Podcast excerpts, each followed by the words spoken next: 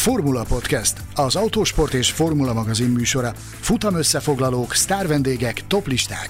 Minden, ami F1 és autósport. Ha szeretnél hozzájárulni a műsor készítéséhez és fejlődéséhez, látogass el Patreon oldalunkra, amelynek címe www.patreon.com per Formula Podcast.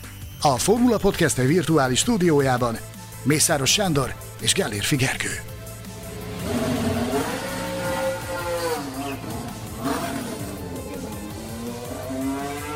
Sebastian Vettel elbúcsúzott, Charles Leclerc behúzta a világbajnok második helyét, és teljes a 2023-as rajtrás. Többek között ezekről fogunk beszélni az Abu Dhabi nagydíj futamértékelő adásában, mely egyúttal alig ha meglepő módon a 2022-es szezon utolsó futamértékelő adása, de mindenkit megnyugtatunk, hogy nem az utolsó Formula Podcast adása. No de, akkor Abu Dhabi, engem Gellért Figergőnek hívnak, és ahogy az előző 21 nagydíj többségét, úgy ezt a nagydíjat is szeretett barátommal és kollégám kollégámmal, Mészáros Sándorral fogjuk kibeszélni. Szia, Sanyi! Szervusz, Gergő, üdvözlöm a hallgatókat, sziasztok!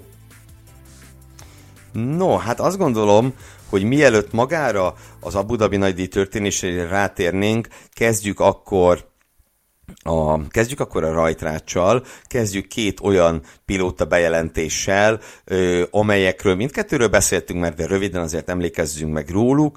Ö, ugye amit tulajdonképpen régebb óta lehetett tudni, az az utolsóként, hivatalosan utolsóként elkelt helynek a sorsa, ugye, hogy a Williams Logan Sargentot ülteti be Alexander Albon mellé, annak köszönhetően, hogy mm, hogy végül is sikeresen megszerezte az F2-ben a szükséges szuperlicenszpont mennyiséget, de ugye arról is beszéltünk már itt a többek között a legutóbbi adásunkban, hogy a ház németet németre vált, azaz Mick Schumacher helyére Nico Hülkenberg lesz a befutó, és ez így is, és ez így is történt. Nem tudom, a pedokban milyen visszhangja volt ennek a bejelentésnek, mert ugye az internet különböző bugyraiban, így a Formula Podcast Facebook csoportban is, azért én azt mondom, hogy három táborra szakadtak az emberek, volt, aki egyáltalán nem értette, hogy miért kell Schumachert lecserélni, volt, aki azt mondta, hogy érti, de miért Hülkenbergre, és volt, aki azt mondta, hogy tulajdonképpen legalábbis rövid távon ez egy egészen jó megoldás.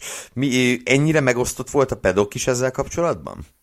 Nézd, az, hogy ez a bejelentés érkezik, ez igazándiból nem okozott ö, olyan óriási viharokat, mert ugye ezt tudtuk nagyon jól szakmai berkeken belül ez azért nyilvánvaló volt, hogy ez, ez fog következni. Itt a műsorban is beszéltünk erről többször is. Alapvetően aki, azok a kollégák, akikkel én beszéltem, mindenki megráncolta egy kicsit a homlokát, de mindenki el is tudta fogadni azokat az érveket, amelyek mentén ezt a döntést a ház istáló meghozta. Azt, hogy Kellett nekik egy olyan versenyző, aki konzisztensebb. Ugye Hülkenberget sok mindennel lehet vádolni, azzal nem, hogy nem konzisztens a teljesítménye. Ezt szerintem a pályafutása alapján, hogyha a pályafutására visszatekintünk, és megállapíthatjuk, hogy konzisztens teljesítmény nyújt, és amikor az autó lehetővé teszi, akkor a pontokból is profitál. Ugye nagyon sokan vádolják őt ezzel a negatív abszolút totális csúcsal, amit ő tart, hogy a legtöbb verseny dobogó nélkül, azért valljuk be őszintén, hogy a háznál azt is mérlegelték, hogy nagy valószínűség szerint ez a veszély nem áll fent, hogy jövőre rendszeresen dobogóért kellene harcolni. Tehát e, ilyen tekintetben ez megfelel, megfelel az elvárásoknak. Egy másik nagyon fontos érv az, hogy, hogy nyilvánvalóan azért nem óriási pénzmennyiséget kell kifizetni érte. Tehát ahogy fogalmazta egy korábbi műsorban, a Tesco-s alózó effektus. Nem kell, nem kell érte óriási pénzeket fizetni. A, a, egy másik, amit én hihetetlenül fontos érvnek érzek, az pedig az, hogy, hogy megszűnhet az a fajta toxikus légkör, ami a házt körül lengte az elmúlt két évben emiatt a, a, a Schumacher effektus miatt, amit, amit a, a, az ő jelenléte generált folyamatosan, és ez nem is feltétlenül mikre vonatkozik, hanem, hanem a menedzsmentre sokkal inkább. Igen, ezt akartam mondani, hogy félreértés ne essék, hogy itt nem Mick Schumacherről van szó, de hát mondjuk a sajtóban is láthatjuk, hogy Ráv Schumacher milyen álmokfutást rendez, aki most itt nyilván nem ízetlenkedni akarok, de hát tényleg úgy viselkedik, mint aki apja helyett apja Mick Schumachernek, és a pedokban próbálja őt ott irányítgatni, terelgetni, de hát némely nyilatkozat egész hajmeresztő, és nyilván, hát persze hallottunk is ilyen dolgokat, nem egyet a háttérből. Ugye abba gondoljatok bele, hogy ha a, a színfalak előtt is ennyire kemény valaki a csapattal szemben, akkor ott mi zajlik a háttérben? Hogyha ennyi mindent ki is visz a nyilvánosságba, ami ugye egyébként nem túl szerencsés dolog, tehát ezt szerintem sehol nem szeretik, hogyha a csapatok belügyeit így, így, így kiteregetik, és hát ugye volt az egészen elképesztő nyilatkozat a Ralfnak, amit a múlt héten idéztünk is, hogy a Steiner azért nem szereti Mikket, mert így nem ő van a reflektorfényben. Na, hát ez, ez teljesen ez komolytalan. Ez az abszolút nonsense kategória, és ugyan a bejelentés ezzel kapcsolatban még nem érkezett meg, hogy miknek, mik távozik a Ferrari akadémiájáról is, de tudjuk nagyon jó, hogy ez vad döntés, ez, ez elméletileg a színfalak mögött megszületett, megszületett már, és ez valamikor bejelentésre is került, azért tessék azt is mérlegelni, hogy talán nem véletlen az, hogy egyszerre főle mindenütt a, a kávé minden irányból, e, és itt nem is feltétlenül, és nagyon szeretném nyomatékosítani, hogy itt nem feltétlenül az emberről van szó magáról. Tehát nem ő az, aki ezt a toxikus légkört, meg ezt a hisztériát generálja, hanem, hanem az a fajta millió, ami őt és az ő versenyzését körülveszi meg. Azok az emberek, akik ebben a projektben tevékenykednek, addig-addig bonyolították az akta munkát, hogy ez egy picit fordítva, visszanyalt a fagyi, fogalmazzunk így. Így van. Hülkenbergről meg azt hiszem, hogy eleget beszéltünk legutóbb. Én most egyetlen egy dologgal egészíteném ki, ugye most megint fölidézted ezt a dobogó dobogótlansági rekordot, és ez nagyon sok helyen szembe jött. fogalmaztál, dobogótlansági rekord, ez, ez nagyon tetszik. Köszönöm. Újabban nagy nyelvújító is vagyok. Na, de tényleg, tehát, hogy ez, ez nagyon sok helyen szembe jött. Például nálunk a podcast csoportban a kommentek között is, máshol meg még többször. Uh, és ez nyilván egy tény, meg ebben benne van az, amit abszolút el is ismertünk a múlt héten, hogy Hülkenbergnek van igazi gyengesége az az, hogy az ígyszereket nem lövi be. Ez többször előfordult karrierje során, hogy megremeg a keze, amikor igazán nagy lehetőség előtt áll. De de erre redukálni Hülkenberg egész karakterét és karrierjét, hogy nincs neki dobogója, az pont olyan unfair dolog, mintha Mick Schumacher karrierjét azokra az autózúzásokra redukálnánk, amiket azért bemutatott. Ne feledjük már, hogy két házt ketté tört, meg ugye Suzuka-ban se állt messze ugyanettől, és hogy Mick Schumacher több egy autózúzónál, úgy Nico Hülkenberg is több egy dobogó nélküli versenyzőnél. No, ennél részletesebben egy, egy pedig... Dolgot, hogy mondjak el Mondd csak. Engem sok mindennel lehet vádolni, azzal biztosan nem, hogy óriási Nico Hülkenberg rajongó lennék. Ellentétben. Hát azzal nem, azzal nem, drága barátom. Ennek ellenére a futamok jelentős részét 2021-ben és 2022-ben is a helyszínen átélve. Én magam is azt mondom, hogy, hogy nem árt a háznak az, hogyha változik egy kicsit a légkör körülöttük. Persze lehet, lehet, már azt is nagyon sokan a Steiner órára húzták itt a kommentek alapján, hogy miért nem egy fiatalt választottak. De abba is bele kell gondolni, hogy hogy hogy járnak azokkal a fiatalokkal, akiket kiválasztottak az elmúlt időben. Tehát, hogy ő inkább azt a pénzmennyiséget, ami a rendelkezésre áll, és amiből ezt a csapatot próbálja alakítgatni, meg formálni, azt nyilvánvalóan úgy szeretné elkölteni, hogy az biztos legyen. Tehát, hogy ne legyenek olyan nagy meglepetések. De most gondoljunk bele abba, hogy egy, egy eh, ilyen visszatérés, mint amit a Hülkenberg fog produkálni, hogy mennyire hálás az az ember azért, hogy ő megkapta ezt a lehetőséget. Tehát, hogy ő már nem fog belemenni ilyen kakaskodásokba, meg ilyen házon belüli politikai perpatvarokba, mint amik, mint amik zajlottak a színfalak mögött az elmúlt két évben a háznál. Tehát, hogy ez egy, lehet azt mondani, hogy igen, lehetett volna ezt, lehetett volna azt, de azt meg kell érteni, hogy vannak minden egyes csapatnak vannak bizonyos kívánalmai, amelynek mentén döntéseket hoznak meg a vezetők. Itt pedig nagy valószínűség szerint azért választották Nico Hülkenberget, mert nekik ez a forgatókönyv felelt meg. Punktum, ennyi. Igen, és ugye amit még fölhoztak az új páros Magnussen és Hülkenberg kapcsán az, hogy ők mennyire rosszba vannak, hát most nem volt egy szóváltásuk, ami valószínűleg nagyon-nagyon sok versenyzőnek volt hasonló stílusú szóváltása, csak az övék a kamera előtt zajlott le. Tehát azért itt szó nincs arról, hogy ők olyan ős ellenségek lennének, mint mondjuk Okon és Gázli, akik tényleg tíz éve rühellik egymást, vagy talán több. Itt volt egy kis Izé, ennyi. Na. Mit üzenek ezeknek a, ezeknek a rajongóknak? Azt, hogy még nem hallották soha azt, hogy te megé, hogy beszélgettünk egymással, úgy, hogy még csak nem is utáljuk egymást. Remélem nem is fogják. Na, menjünk át, menjünk át kérlek szépen akkor Logan Sargentra, akinek egy icipicit rezgett a léc. Voltak olyan pillanatok az F2-es hétvégén, amikor, amikor úgy eszembe jutott az, hogy hát tényleg nehogy az történjen, hogy kipottyan ő a a szuperlicenc pontokból. Nem tudom, hogy vet, vetettél-e pillantást a Formula Podcast Facebook csoportra a hétvége folyamán. Én vas, Igen, vasárnap, bár teszem post... hozzá, a könyvszerkesztés közben kevés időm volt rá, de azért vetettem. Azért én beposztoltam, mert hogy, hogy ugye hogy mennyire izgalmas volt ez a sztori, hogy meg lesz-e vagy nem lesz-e. Én, én vasárnap direkt bementem a, a Williamshez megkeresni az F2-es verseny előtt, a rajt alatt, meg az első pár körben Jost Capitot, hogy egy pár szót váltsak vele, e, és egy fényképet is készítettem, ahogy, ahogy a televízióhoz legközelebbi asztalnál ül, szerintem, nem tudom, 600-as, vagy inkább 700-as vérnyomással úgy nézte a, az F2-es futamon, hogy hogyan alakít Logan Sargent, úgyhogy ott voltak a Netflixesek is. Tehát, hogy ez azért egy egészen pikás téma volt, hogy ez összejön-e, vagy nem jön össze, olyan szinten, hogy erre a Netflix is felfigyelt. De mondom, érdekes volt megfigyelni azt a fajta feszültséget, ami ott zajlott, mert hát ez a, ez a sztori is, hogy a Sargent kapja a Williams, amikor ezt a nyilvánosság előtt elismerte Capito, ez már jóval, jóval, jóval korábban megszületett ez a döntés. Tehát hogy egy a kockázata meg volt annak, hogy esetleg nem jön be. Mond. Hát most érted, ha csak eszembe jutott a Netflix lehet, hogy csinál egy spin-offot, így a Drive to Super License, ez lesz Igen. Logan Sargent története, és, és meglett, és én annyiból nagyon örülök neki, ugye múlt héten is hőbörögtem még kicsit a licenszpontrendszeren, hogy nem, egyértelmű, hogy nem Logan Sargent a legtehetségesebb fiatal versenyző, akit be lehetett volna ültetni, de annak tökre örülök, hogy a Williams beültethette ha már őt akarta, és nem csúszott el egy banánhéjon, ami tényleg azért voltak olyan mozdulatok, amikor úgy tűnt, hogy akár necces is lehet.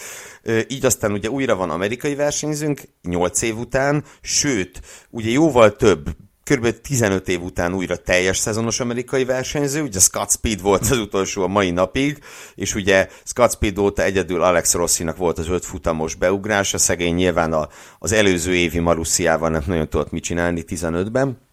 Szóval, szóval van amerikai versenyzőnk, de én azt hiszem, hogy ez még nem az az amerikai versenyző, amilyet a Liberty szeretett volna. Mert uh, Logan Sargent uh, ugye európai növendék, ő Európában lett, uh, lett autóversenyző, Európában lett F1-es pilóta, és biztos vagyok benne, hogy nem fog rosszat tenni az F1 amerikai követettségének az ő jelenléte, de abban is biztos vagyok, hogy nem fog akkora boostot adni, mint például Colton Herta adott volna, vagy ki tudja, talán majd fog adni hát akár jövőre. Majd ezt meglátjuk.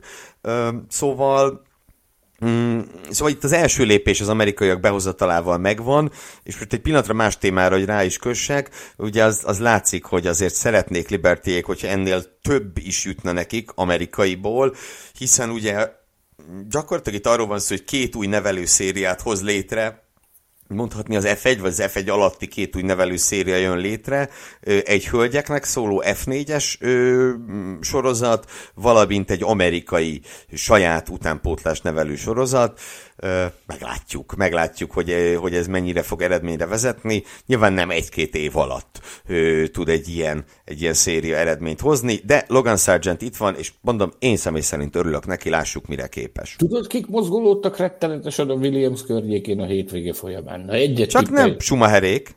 Bizony, kérlek szépen. Nagyon rajta voltak ezen a vonalon, hogy arra az esetre, hogyha esetleg a Sargentnak ez nem jön be, akkor, akkor gyaníthatóan azért sündörögtek olyan sokat a, a Williams Hospitality házatáján, mert zajlottak bizonyos beszélgetések arról, hogy mi van akkor, ha de ugye ez értelmét veszítette, mert Logan Sargent megszerezte ezt a bizonyos pontmennyiséget, és ezzel együtt a Williams volánt is, és ezt szentesítették is.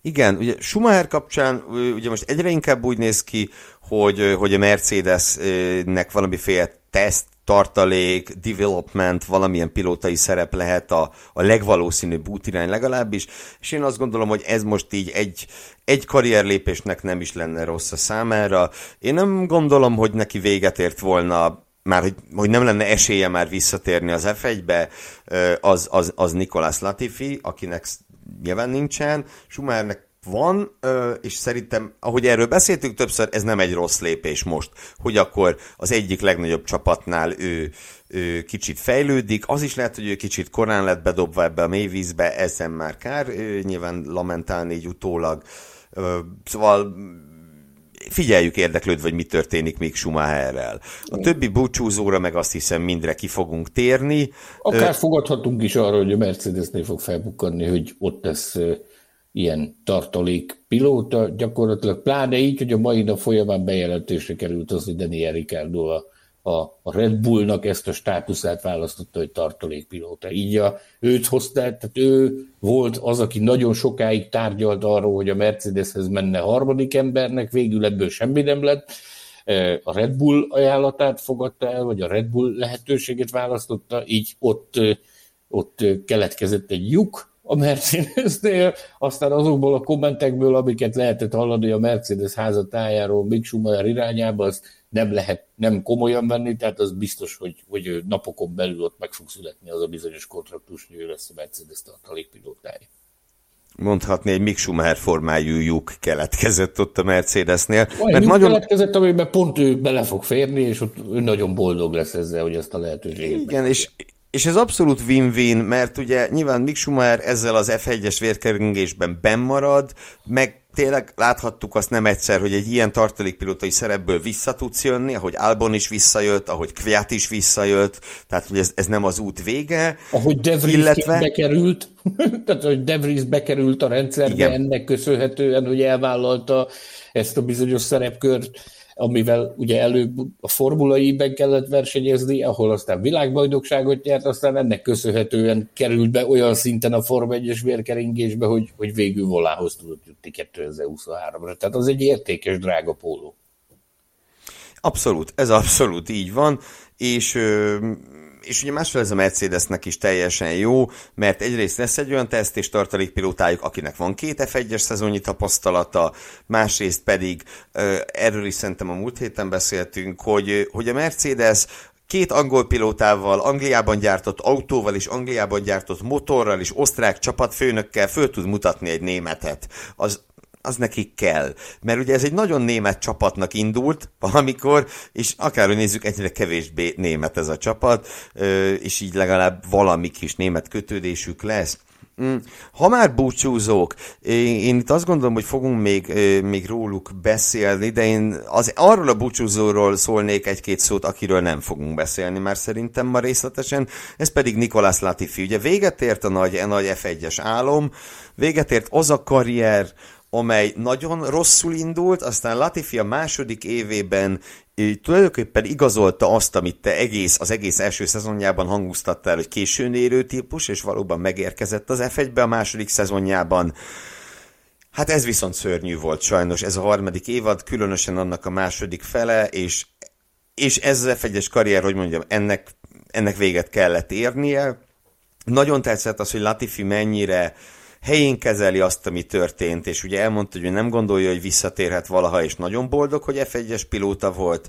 Én a magam részéről nagyon örülök, hogy, hogy Latifi F1-es pilóta volt, mert egy, egy rendkívül szerethető fickó volt, és nem én nem mondom ezt az összes F1-es pilótára, hogy szerethető fickó, de, de ő tényleg az volt és igazából a, a tavalyi szezonjára szerintem ő, ő, ő, ő büszke lehet. Tehát az rendben volt, fel tudott zárkózni George Russellhez, ahhoz a Russellhez, akiről idén láthattuk, hogy mire, mire is képes valójában, mm, és az rendben volt, az ideit meg próbáljuk elfelejteni. Én a hétvége folyamán többször is beszéltem vele, ugyanis soha nem titkoltam, hogy az egész pályafutását, vagy a pályafutásának a jelentős részét az testközelből kísértem végig, úgy, hogy hát most mondhatjuk azt, hogy, hogy az átlagos versenyző újságíró viszonynál sokkal jobb kapcsolat kapcsolat volt közöttünk. Nem véletlenül mondtam én mindig azt, hogy, hogy ő későmérő típus. Mert egészen közelről láttam azt, hogy, hogy hogyan alakulnak a dolgai, hogyan reagál dolgokra, bla bla bla, minden ilyesmit. A második szezonjában én úgy gondolom, hogy tényleg alátámasztotta azt, amit mindig mondtam róla. Az idei év pedig, hát ezt ki kell mondani, hogy gyakorlatilag őt mentálisan szétrombolta és megsemmisítette az, ami egy évvel ezelőtt ugyanott történt. Tehát ott történt egy olyan törés, ami után jött egy olyan gyűlölet, cunami, amivel kapcsolatban én csak azt tudom mondani, amit korábban részleteket sajnos nem mondhatok róla, de, de ez egy olyan gyűlölet cunami volt, amit, amiben, amiben nagyon sokan maradjuk annyiban, hogy lehet, hogy beledilisztek volna teljesen ami azzal az emberrel történt. Persze lehet azt mondani, hogy egyik füleden be, másik füleden ki, annyiban azért, hogy ennél sokkal durvább dolgok is történtek, hogy ezt ennyivel le lehessen rendezni. Ez volt az egyik problémája a történetnek. A másik pedig az, hogy akkor, amikor ugye nagyságrendileg ő azért már majd, hogy nem azt lehetett mondani, hogy megvolt a lendület, mert azért tavaly voltak nagyon jó momentumai, akkor jött ez a durva váltás, hogy, hogy teljesen új generációs autóval kellett versenyezni. Ennek a, ez az akklimatizációs folyamat, ami ehhez kell, azt pedig láthatjuk, hogy nála sokkal magasabban jegyzett versenyzőknek is beletört a bicskája. Itt most konkrétan Daniel Ricciardo-ra gondolok. Daniel Ricciardo is megsemmisült versenyzőként a 2022-es Formula 1 szezonban. Pontosan ugyanígy megsemmisült Nicolas Latifi is. Amit még szeretnék ehhez hozzátenni, amire nagyon szépen rámutattál, az, hogy milyen méltóság teljesen viselte Latifi ezt a megsemmisülést. Nem próbált meg kifogásokat keresni. E, a hétvége folyamán, ahogy mondtam, többször is beszélgettünk, de az a vasárnap esti, e, a futam utáni média penes interjúja, az, az egy nagyon érdekes beszélgetés volt, ahogy elmondta, hogy, hogy, hogy gyakorlatilag ez van, ő ezzel tökéletesen tisztában van, hogy nem sikerült neki olyan teljesítmény nyújtani. Egy pillanatig se próbálta a felelősséget másra rátolni, a csapatra, hogy ne kapott volna elegendő támogatást. Azt mondta, hogy ebben ennyi van, ő tisztában van azzal, hogy nagy valószínűség szerint neki ezzel a Formula 1 ez befejeződött. Ez a, ez a, ez a fejezet az életében, meg a pályafutásában ugyanakkor reménykedik abban, hogy annyit azért sikerült neki az évek során tennie az asztalról, hogy más versenyszériákban azért jut neki hely, és fogja tudni folytatni az autóversenyzői pályafutását, amivel kapcsolatban egyébként hallunk folyamatosan plegykákat, nagy valószínűség szerint indikár lesz belőle, de, de ő nekem arra tett nagyon határozott utalást, hogy azok közül a lehetőségek közül, amik eddig érkeztek, és ajánlatok, amik érkeztek hozzá, azok közül eddig még egyikre sem mondott se igen, se nemet. Tehát Szóval, hogy szeretné egy kicsit kitisztítani a saját fejét, azután, hogy kikerül ebből az elképesztő darálóból, amit Forma 1 hívunk, és egy kis szellőzés, egy kis friss levegő után szeretne döntést hozni arról, hogy milyen irányba folytatja a pályafutását.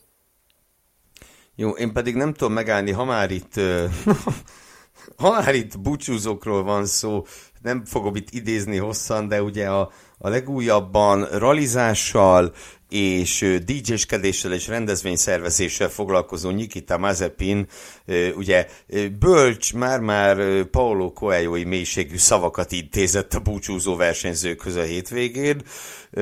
Nem olvastad, amiket mondott? Tehát szürreális volt. Szürreális volt, ahogy elmagyarázta Fettelnek, Ricardónak, meg a többieknek, hogy majd mi, mit, hogy kell nekik csinálni így az F1 után, hogy majd a gyász öt fázisán végig mennek, és izé, hát azt hittem elájulok, amikor ezt olvastam. Tehát sok szerepben el tudtam volna képzelni Mazepin, de a haza bölcseként nem. Keressetek rá, ezt javaslom, marha jó. Ö, no de, Menjünk akkor tovább, nyilván beszélgettünk itt már a hétvége egyes aspektusairól, nem, nem felejtettük el, hogy volt egy Sebastian Vettel nevű búcsúzó is, csak róla majd külön akarunk beszélni. Szezonzáró hétvége. Beszélgettünk veled nem egyszer, tavaly és tavaly előtt Abu Dhabi kapcsán, hogy az Abu Dhabi nagydíj hangulata az nagyon kettős tud lenni, mert amikor olyan van, mint tavaly, vagy olyan van, mint 14-ben, 16-ban, 10-ben, hogy ott dől el a világbajnokság, akkor egy, egy, egy elképesztő, felfokozott és mindenféle ö, nem is tudom, milyen magas vérnyomás külön díja illeti meg az egész pedokot tulajdonképpen akkor, máskor meg olyan, mint a, az utolsó tanítási nap az iskolában, hogy az akáció már föl van írva, és még a V betűt oda kéne írni, aztán menjünk, menjünk mind a fenébe. Ilyen volt ez most is, vagy mondjuk például Sebastian Vettel búcsúja azért kicsit hozzátett ehhez? Az igazság az, hogy ez egy olyan szezonzáró volt, olyan hangulatú szezonzáró, amikor, amikor úgy köszönsz el a nyári szünet előtt, amikor az egyik osztálytársad másik suliba vonul. vagy, vagy a, a felső B folyamos haverodnak már véget ér a suli, és neked te még jövőre is oda fogsz járni, ő meg már nem. Pontosan emiatt, hogy a, a, a Fettel elköszönt. Tehát azért én azt gondolom, hogy ez a, a annak idején én jelen voltam Fernando Alonso búcsújakor is, akkor egy óriási nagy szombatesti partival búcsúztatták Alonzot, és ezzel le volt tudva, mert mindenki tudta, hogy úgyis hamarosan viszont látjuk. Ugye emlékszem, Fettel a búcsú üzenetben már ezt fogalmazta meg neki, hogy majd jössz. És pontosan ugyanezt kapta vissza Alonzótól, és én pont ma láttam ezt, a, ezt az üzenetet, hogy az Alonso ugyanígy búcsúzott tőle, hogy csá, hello, majd pár év múlva találkozunk, mert úgyis visszajössz. E, a Fettel búcsújában rejlő lehetőségeket én azt gondolom, hogy az egész Forma 1-es millió az teljesen kimaxolta, amennyire lehetett, tehát mindenki fettelezett egy kicsit beleértve bennünket is. Tehát Fettel búcsúzt, tehát a hétvége minden fázisában búcsúztatta őt az Aston Martin. A hétvége felvezetéseskor, a hétvége során ugye különböző látványelemekkel, Dunker szebb feliratok, meg, meg tudja az ég, hogy mi volt még a, a helyszínen. Kis összejövetelt szerveztek neki a, a, az egyik sör brand, akik az Aston Martinnak a sörös ö, partnerei, ők külön Dankeszebb és Grazie Mille Szebb Edition sört készítettek arra a szombatesti összejövetelre, amit a Fettel tiszteletére tartottak.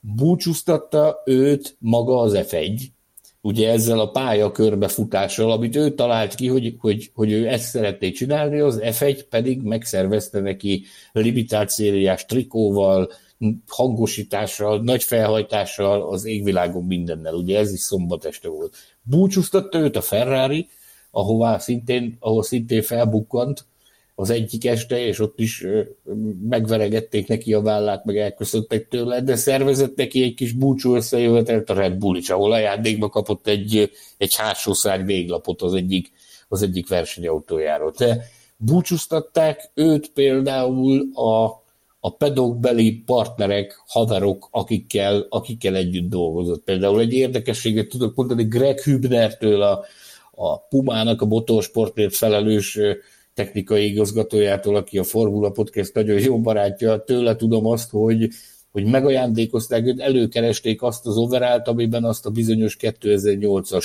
monzai futamot nyerte a Toro Rosso-nál, tehát az, azzal ajándékozta meg őt a Puma, de aki élt és mozgott, mindenki próbált fettelezni egy kicsit, tehát ez úgy, úgy rányomta a bélyegét. Azzal a csúcspont az az volt, amikor a, a futás előtt vannak ugye ezek a tiszteletkörök a VIP vendégek számára, ott csináltak a Fettel vendégeinek egy ilyen tiszteletkört, az ilyen kamionos pótkocsin, és az apukája Norbert ott fölcsavarta a hangerőt a, a diszkó zenére szólt, és elkezdett denszelni. Tehát minden, abszolút ez egy Fettel búcsú hétvége volt, de az, azért valljuk be őszintén, hogy mindenkinek a, a kis fejecskéjében az ott motoszkál, hogy, hogy vajon mennyire végleges ez a búcsú. Mert ugye az elmúlt időszakban a visszavonulás bejelentése óta volt néhány nagyon jó hétvégéje Fettelnek, és többször is a, a megnyilvánulásaiból arra, arra lehetett következtetni, hogy nem zárkózna ő el teljesen attól, hogy, hogy valamilyen formában még szerepeljen a Forma 1 hogy lássuk őt a rajtrácsot. Ezt nyilván ezt így nem mondta ki, arról tudunk, hogy voltak olyanok, akik megpróbálták őt rábírni arra az elmúlt hónapokban, hogy, hogy hagyja a felébe a visszavonulást és maradjon itt. Annak Mondjuk ki, is, hogy Alpin. Ezt... Kimondtuk már korábban, azért merem most kimondani. Okay. Tehát voltak ilyen jellegű törekvések, nem lett belőle semmi, ennek ellenére maradjuk annyiban, hogy a Fette Holdudvarból is hallottunk olyan utalásokat arra, hogy azért érdemes erre egy szezont legalább várni. hogy, hogy mi fog történni. Nekem az édesapja is azt mondta, hogy várjuk meg, ezt nézzük meg, hogy mi lesz ebből. Azt mondja, az idei évnek az elejéből, amikor ugye elrajtolt a szezon, és hogy Covid miatt otthon ült, azt mondta, hogy azért ő nagyon kíváncsi lesz arra, hogy a fia az hogy fogja viselni azt, hogy otthon kell ülni és televízió kell nézni a Forma Hát élvezi-e annyira a szünetet, mint Mika Hekinen, aki ugye 2002 óta tölti a szünetet, ugye azt hiszem azóta se vonult vissza, szóval még bármi megtörténhet. Így van. Na de, én azt hiszem Fetterről fogunk, fogunk még beszélni, Úgyhogy, úgyhogy térjünk át a hétvége legnagyobb nyitott kérdésére, mármint ami az eredményeket illeti.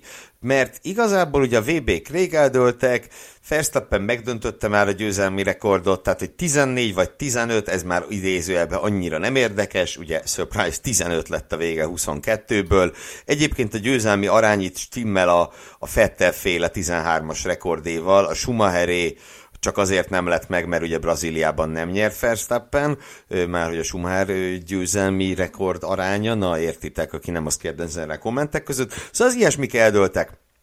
Két igazi kérdés volt, de ebből az egyik megint csak nagyjából már eldőlt, hogy a csapatok között ki lesz a best of the rest, ami azért számít, nem csak a milliók miatt is, hanem, hanem egyébként is a három nagy csapat mögött ki a negyedik, az, azért az egy komoly kérdés, de itt az Alpin akkor előnyben, előnyben volt, hogy ahhoz valami extra-extra kellett volna a McLaren-től, hogy megfogják őket. Nem történt meg. Na de, a múlt héten Interlagosban óriási viharokat kavaró bajnoki ezüstérem témája. Ö, ugye itt pont egyenlőséggel érkezett Lökler és Perez, a felállás egyértelmű volt, az lesz a bajnok ezüstérmes, aki több pontot szerez. Ö, és, és hát ez nagyon pici múlott. Azért lássuk be, nagyon pici múlott. Ugye eltérő taktikával mentek ők, az időmérőt Perez nyerte már, hogy kettejük között, ugye Perez lett a második, Lökler meg a második sorba került csak, és, és a plusz egy kiállás után Perez elég jó tempóban zárkózott fel, és sokáig úgy tűnt, hogy az utolsó körben lehet egy előzési próbálkozása, aztán hát elképesztő módon ugye épp a kvázi csapattárs, szóval a Red Bull családnál utolsó versenyt töltő Pierre Gasly volt az, aki, aki nem figyelt és föltartotta. Pontszerző zónán kívül csatázott Alex Albonnal, azért ez egy, ez egy fatális hiba volt Gázlitól. Emlékszel, de... hogyan kommentáltad ezt a húzást? hát, hogy ez így a búcsú, nem? A Red Bulltól. Ez búcsú ajándék. Búcsú csókja, így fogalmaznál. Igen, igen, igen, de azt is ismerjük el gyorsan, hogy ha Perez nem hibázik kettőt verseny közben, akkor, akkor nem ezen múlott volna, akkor hát a két hiba egyike sincs, csak valószínűleg simán megelőzi Löklert körökkel a vége előtt. Hát nem így történt. Hát nem így történt, hogy Löklernek maradt a második hely. Én nem úgy, nekem nem úgy tűnt, mint aki kiugrott a gatyájából, hogy, hogy VB ezüstérmes lesz. Neked? Te úgy láttad Charles Leclerc, mint aki megzavarodott a gyönyörűségtől, hogy ő a világbajnok ezüstérmes? Dehogy is. Dehogy is. Én úgy látom, hogy Leclerc számára egy dolog volt fontos. Egy picit itt a szezonnak az utolsó, hát beszéljük a szezon utolsó harmadáról. Neki itt a legfontosabb dolog az, az volt, hogy Sainz előtt végezze. ez, ez mindennél fontosabb volt számára, hogy meg tudja tartani azt a státuszát, amit, vagy azt a, azt a privilegizált státuszt, amit élvezett eddig a csapaton belül. Ezt több pedok forrással is beszéltem olyan emberekkel, akik a Ferrari ügyeit jól ismerik. Ugye egy van még mindig ez a sztori, hogy hogy akkor egyáltalán ki lesz jövőre a Ferrari csapatfőnöke, mert ezt sem tudjuk biztosan. Binotto cáfolta azt, hogy neki mennie kellene, ennek ellenére azok a hangok, akiktől már Austin magasságában elsőként hallottunk erről, hogy ez a sztori az napirendre kerülhet, azok továbbra is tartják magukat, hogy ez bekövetkezhet.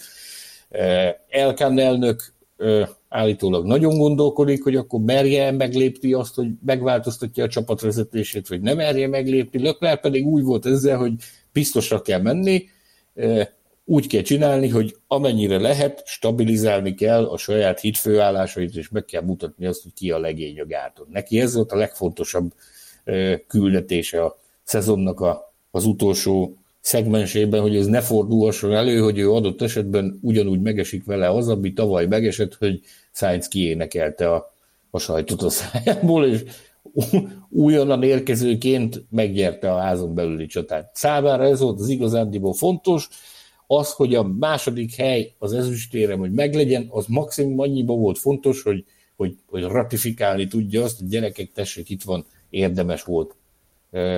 Valamint legalább van, mert abba gondolj bele, hogyha megnézed az egész sztorit, hogy az mennyire ciki lett volna, hogyha még az sincs meg. Az a saját magára is egy akkora mentális terhet rakott volna a téli időszakra, amivel iszonyatosan nehezen lehetett volna megbirkózni, úgyhogy max ennyi volt a sztori, de az igazi tét, neki az igazi fontos dolog az az volt, hogy ő Sainz előtt végezzen, az összes többi az szerintem csak színjáték. Könnyen lehet, könnyen lehet. És hát ugye ez főleg jól mutat neki, hogy ketten is ott vannak köztük a tabellán. Perez és Russell személyében. Apropó, kíváncsi vagyok, meg tudod egy hirtelen mondani, hogy Sainzot csapattársként utoljára kiverte meg VB pontversenyben? Nem. Nico Hülkenberg, kérlek szépen, 2018 azóta nem kapott ki Sainz a pontversenyben csapattárstól. Kétszer Norris, egyszer pedig Lökler volt az áldozat, rendszerint szoros versenyekben, de, de tény, Hülkenberg óta senki nem győzte le őt ö, csapaton belül, nem, most nem Hülkenberget akarom felmagasztani, vagy egy kicsit mégis. Na de, térjünk át egy másik németre, azt javaslom, és kezdjük meg a hétvége emberének az ismertetését. Ha már földobtam, hogy német, valószínűleg mindenki kitalálja, brutális fölénnyel szavazta meg a Formula Podcast Facebook csoport, a Best Followers külön díjra Sebastian Fettelt, kár is volt kiírni ezt a szavazást, teljesen egyértelmű volt, hogy kit fognak választani, és igazából mi is. És tudod mit? Nem csak azért, mert, mert az utolsó versenye volt, hanem azért is, mert ő ezt utoljára még odarakta. Tehát én azt gondolom, hogy az Aston Martin lehetőségeiből az időmérőn abszolút kihozta a maximumot, teljesen rendben volt ez a kvalia részéről, és a versenyen pedig egy, egy rendkívül elhibázott ö, taktikát, mert ez tényleg borzalmas, borzalmas taktikai húzás volt. Hasonló a borzalmas, mint amivel az Alfa Tauri kínoszta meg Gazlit ö, a, a lágygumis első etappal. Szóval, hogy egy, egy elképesztően rossz taktikát sikerült neki pontszerzésre visszamentenie. Nyilván csak annak köszönhetően, hogy Lewis Hamilton kiesett, nyilván erről tök jó mémek voltak, hogy Hamilton azt mondja, á, megállítom én ezt az autót, hát szebb szerezzem már egy pontot így a végére, úgyhogy ez is meglett, és Mm, és szóval egy, egy nagyon-nagyon szép ilyen ugye recovery drive volt, ilyen nagy mentést mutatott ő be ezen a versenyen. Én azt gondolom, hogy ez méltó búcsú volt. Nyilván egy Aston Martinnal nem, persze az lett volna méltó búcsú, ha Fettel dobogós lesz, vagy nyer, de hát Aston Martinnal ilyet nem lehet csinálni, de ez, ez, ez egy nagyon rendben lévő futam volt. Az egész hétvégén meg, hát én imádtam mindent, a kis leveleket, amiket vitt a, arra bizonyos vacsorára, aminek a számlája vagy kering a neten, vagy nem, inkább nem.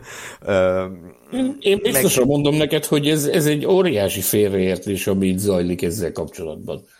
Hogy... Beszéljük, meséld el ezt a számla dolgot nekünk. Az, az, az egy óriási, nagy összegű számla volt. Én nem is tudom, hogy dirhamból forintra átváltva valami 66 millió forintot írtál. Ugye, hogy ez egy akkora szám. Igen? 66 Ezt... millió, és ennek a legjava az öt üveg ilyen embertelen drága bor. Ez ugye ez a Sold B néven elhíresült srác Nusretnek az étterméből származik, ez a bizonyos számla. A, a, különböző social médiás felületeket tették közé.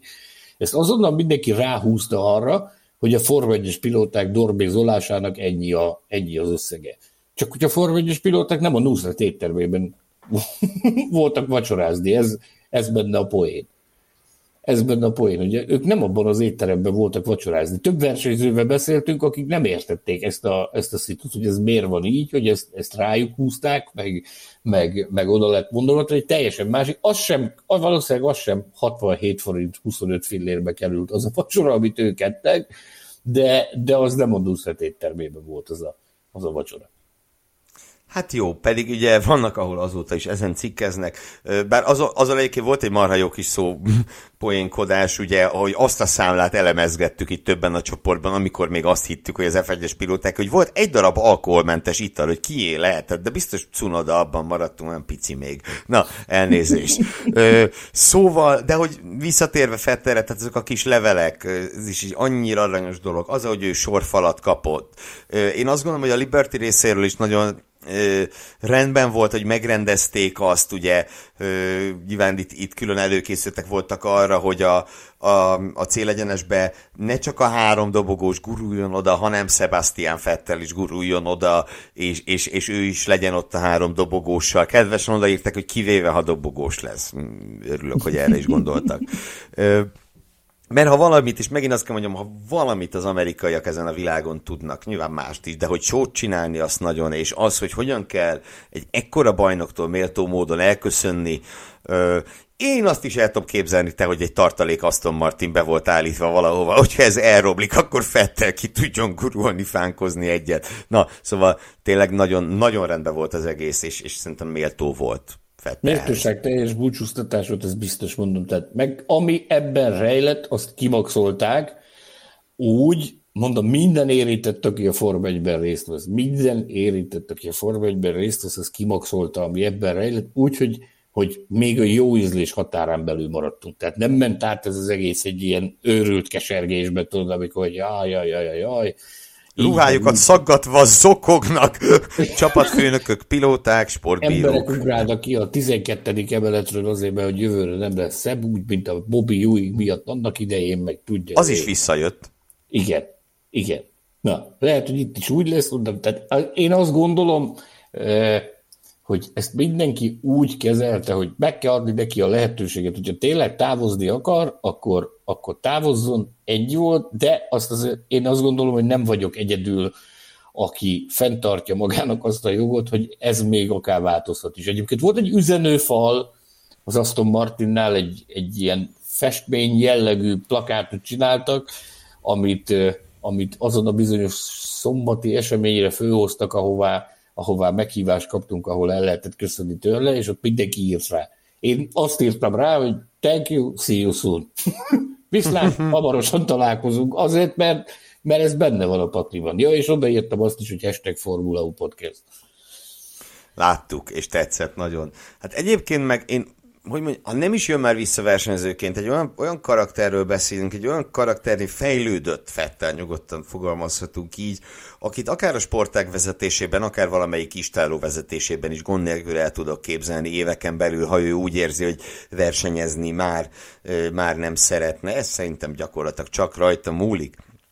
Mm, lépjünk tovább a hétvége meglepetésére, beszéltünk már róluk, úgyhogy ezt most szerintem csak itt röviden mondjuk ki. A hétvége meglepetése a Ferrari. Mégpedig azzal, hogy Löklernek meglett az a VB második hely, azok után, a milyen mélyrepülésben voltak, és ahogy beszorultak már egyre inkább a Mercedes mögé, én ezt totál nem vártam. Én ezt egyáltalán nem vártam, hogy, hogy végül Lökler lesz a második a világbajnokságban, hogy Lökler gyakorlatilag azt mondhatjuk, hogy, hogy erőből legyőzi Perezt, ugye tényleg lehetett volna végen nagyon-nagyon szoros, de, de partiban voltak, és, és én azt se tartom kizártnak, hogy ha, ha nem kell Löklernek Perezre figyelni, ha nem ő az ellenfél, a fene tudja, hogy lehet, hogy a győzelemre is rámentek volna esetleg valamilyen, valamilyen taktikai húzással. Számomra váratlanul erős volt a Ferrari itt a szezon végén, és ez szerintem azért is fontos, mert ha visszaemlékeztek, 2020 Abu Dhabi, amikor Verstappen úgy váratlanul előre, kap, erőre kapott és elverte a Mercedeseket. Ugye akkor azt beszéltük, hogy ó, ez már a jövő év, gyakorlatilag ez a jövő év nulladik futama. És aztán mi történt 2021-ben? Itt győzelem nem született, de legalább villantott valamit a, a hosszú hetek óta tartó teljes nihil után a Ferrari, és azt szerintem egy, egy apró pici pozitívum, amit vihetnek magukkal, mert sok az nincsen nekik. Én, én őszintén megmondom, hogy én számítottam arra, hogy valamiféle villantás érkezik a részükről ezen a hétvégén, ugyanis ez egy olyan szitu volt, amikor muszáj volt valamit csinálni. Tehát gondolj bele, a szezon utolsó harmadában nem ezer, hanem egy milliós ebből véreztek. Már most a a szezonzáró előtt ugye felerősödtek azok a plegykák, amikről itt is beszéltünk, hogy adott esetben lefejezik a csapatot. Tehát itt valamit mutatni kellett, máskülönben annak beláthatatlan következményei lettek volna. Így sem biztos, hogy nem történik meg a lefejezés, tehát nem lehet rá mérget venni, ugye. Ezt sokan spekulálták, hogy ez mikor fog bekövetkezni. Nyilvánvalóan nem az utolsó futamon fogod lefejezni a csapatot. Ez teljesen egyértelmű. Ha korábbi évekre, Ugye jött az a Binotto, Mattia Binotto-tól a cáfolat a szombati sajtótájékoztatón, hogy teljesen biztos abban, hogy neki a helye az stabil, és ilyen plegykák mindig voltak, ilyen plegykák mindig is lesznek, ez a forma egy része, ezt el kell fogadni. Én bevallom őszintén, én egy picit megmosolyogtam ezt a részét a történetekben, láttunk már ilyet. Tehát annak idején Márko Mattiacsi pontosan ugyanezt mondta, ha számít ha jól emlékszem, talán nyolc nap telt el a kijelentése és a, a, a menesztéséről szóló közlemény megérkezése között. Montezemolon ez max. három. Ez Montezemolo vasárnap délelőtt teátrális jelenetek között a Ferrari motorhome lépcsőjén állva, nem tudom, a második sorba álltam, amikor megkérdezték tőle ezt, hogy mi igaz ebből, és ilyen, ilyen nem is tudom, egy dörgedelmet zenget, hogy semmiféle alapja nincsen, ez biztos, hogy van, kedden kirúgták. Igen, következő hétvégén már ment a munkaügyi hivatal. Tehát három nappal később, hát, de nem volt, nem is volt három nap. Tehát, hogy, hogy igazándiból uh, nyilván, amikor ilyen lépésre készül az ember, akkor ezt nem a szezonzáró előtt, vagy a szezonzáró közben fogja megtenni, de ugye akkor felmerül a kérdés, hogy ha ilyen lépés történik, akkor mikor?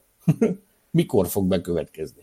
Ugye Mauricio Arriva benne is így volt, hogy a szezonzáró utáni né- néhány nappal mondták meg neki, meg köszönték meg neki a, a munkát. Ő talán még megélte a karácsonyi vacsoráját a ferrari amit mindig december első napjaiban szoktak tartani, amikor még egyben van a társaság, még nem ment el mindenki ünnepelni mi egymást. Tehát valamikor mostanában azért kellene valamiféle jelzésnek érkezni a Ferrari részéről, hogy ha akarnak, hogyha eldönti és elszánja magát John Elcano arra a lépésre, hogy új irányok felé tereli a csapatot, összességében véve én amondó vagyok, hogy ez a, a, Ferrari az életéért, meg, meg az életéért küzdött ezen a hétvégén, és ez különösképpen a csapat első hebberére, Mattia Binottóra volt igaz, úgyhogy ezt, ezt meg kellett mutatni, oda kellett tenni, nem eshetett ekkora csorba a, a Ferrari-nak a, a, a reputációján, a pedigréjén, a hírnevén ezen a, ezen a szezonzáró hétvégén, hogy egy újabb lebőgésre zárnak, egy ilyen lebőgésekkel teli szezon.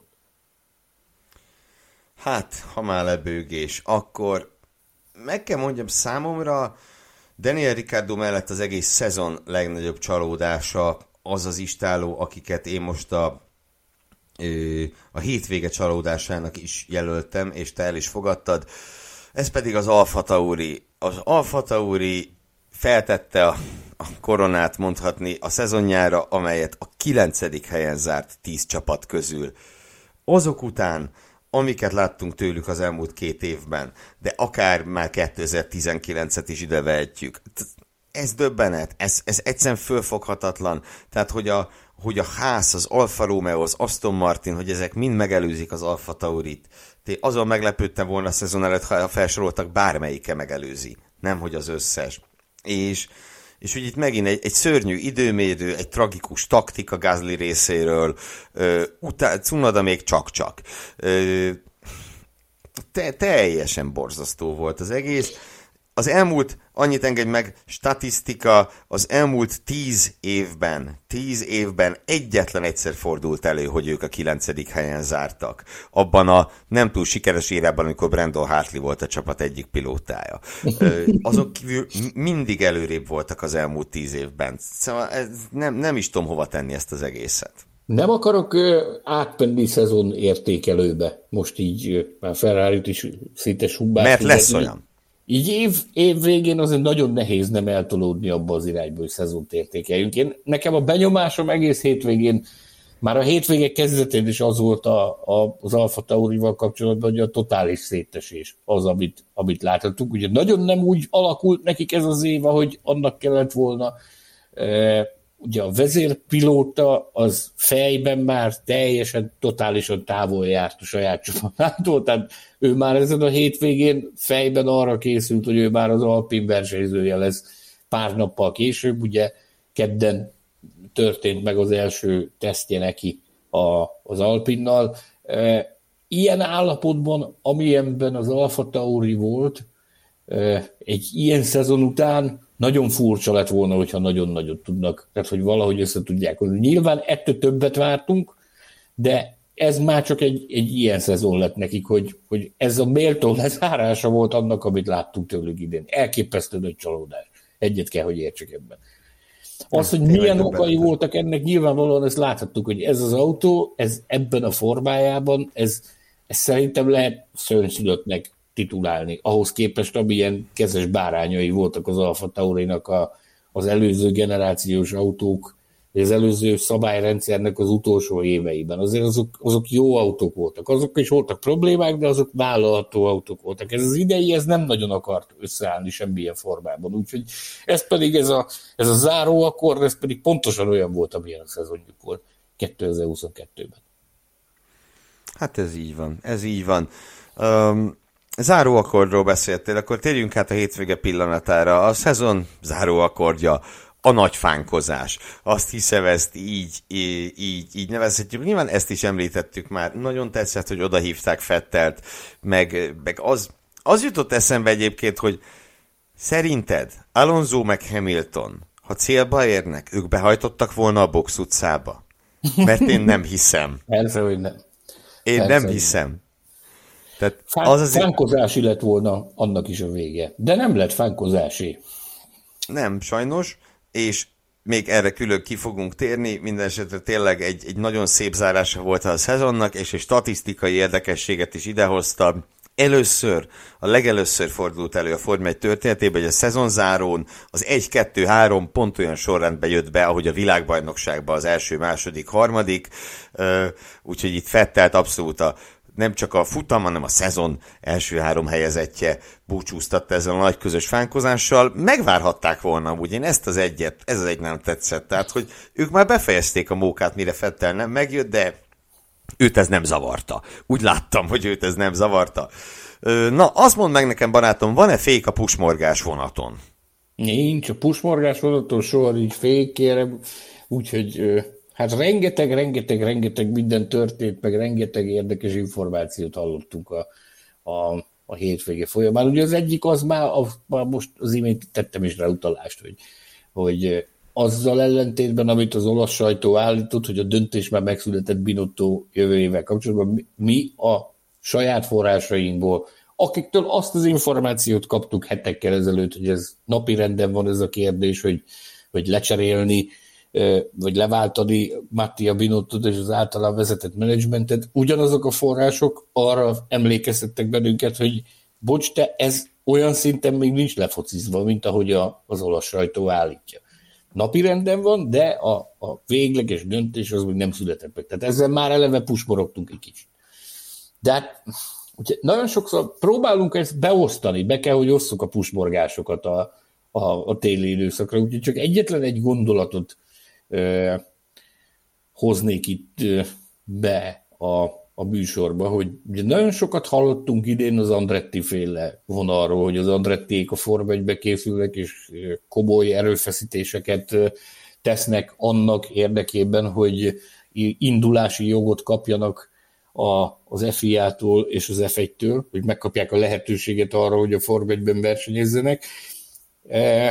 Én most ide annyit mondanék, vagy annyit árulnék el, hogy a, a sportág vezetőire, a, azokra az illetékesekre, akiknek erről dönteniük kell, hogy akkor adnak-e rajtengedélyt egy új csapatnak, vagy sem, azokra most minden eddiginél nagyobb nyomás nehezedik, mert tudomásunkra jutott, hogy az Andrettiéken kívül nem, nem csak még egy, hanem még két olyan formáció is van, akinek életképes projektje van arra vonatkozóan, hogy akár záros határidőn belül, akár 2024-től életképes Forma 1 csapattal sorakozzanak fel a rajtrácsra. És ezek várjál, a... várjál. Andretti hát, plusz kettő? Plusz kettő, igen. Két másik társaság. Két másik, két másik társaság is azon mesterkedik, hogy, hogy, hogy életképes Forma 1 formációt rakjanak össze 2024 környékére nyilvánvalóan ugye ez azért egy eléggé közeli dátum, ez el lehet képzelni azt, hogy ezek a projektek ezek mennyire előre haladott állapotban vannak, vagy mennyire előre haladott állapotban tudnak lenni.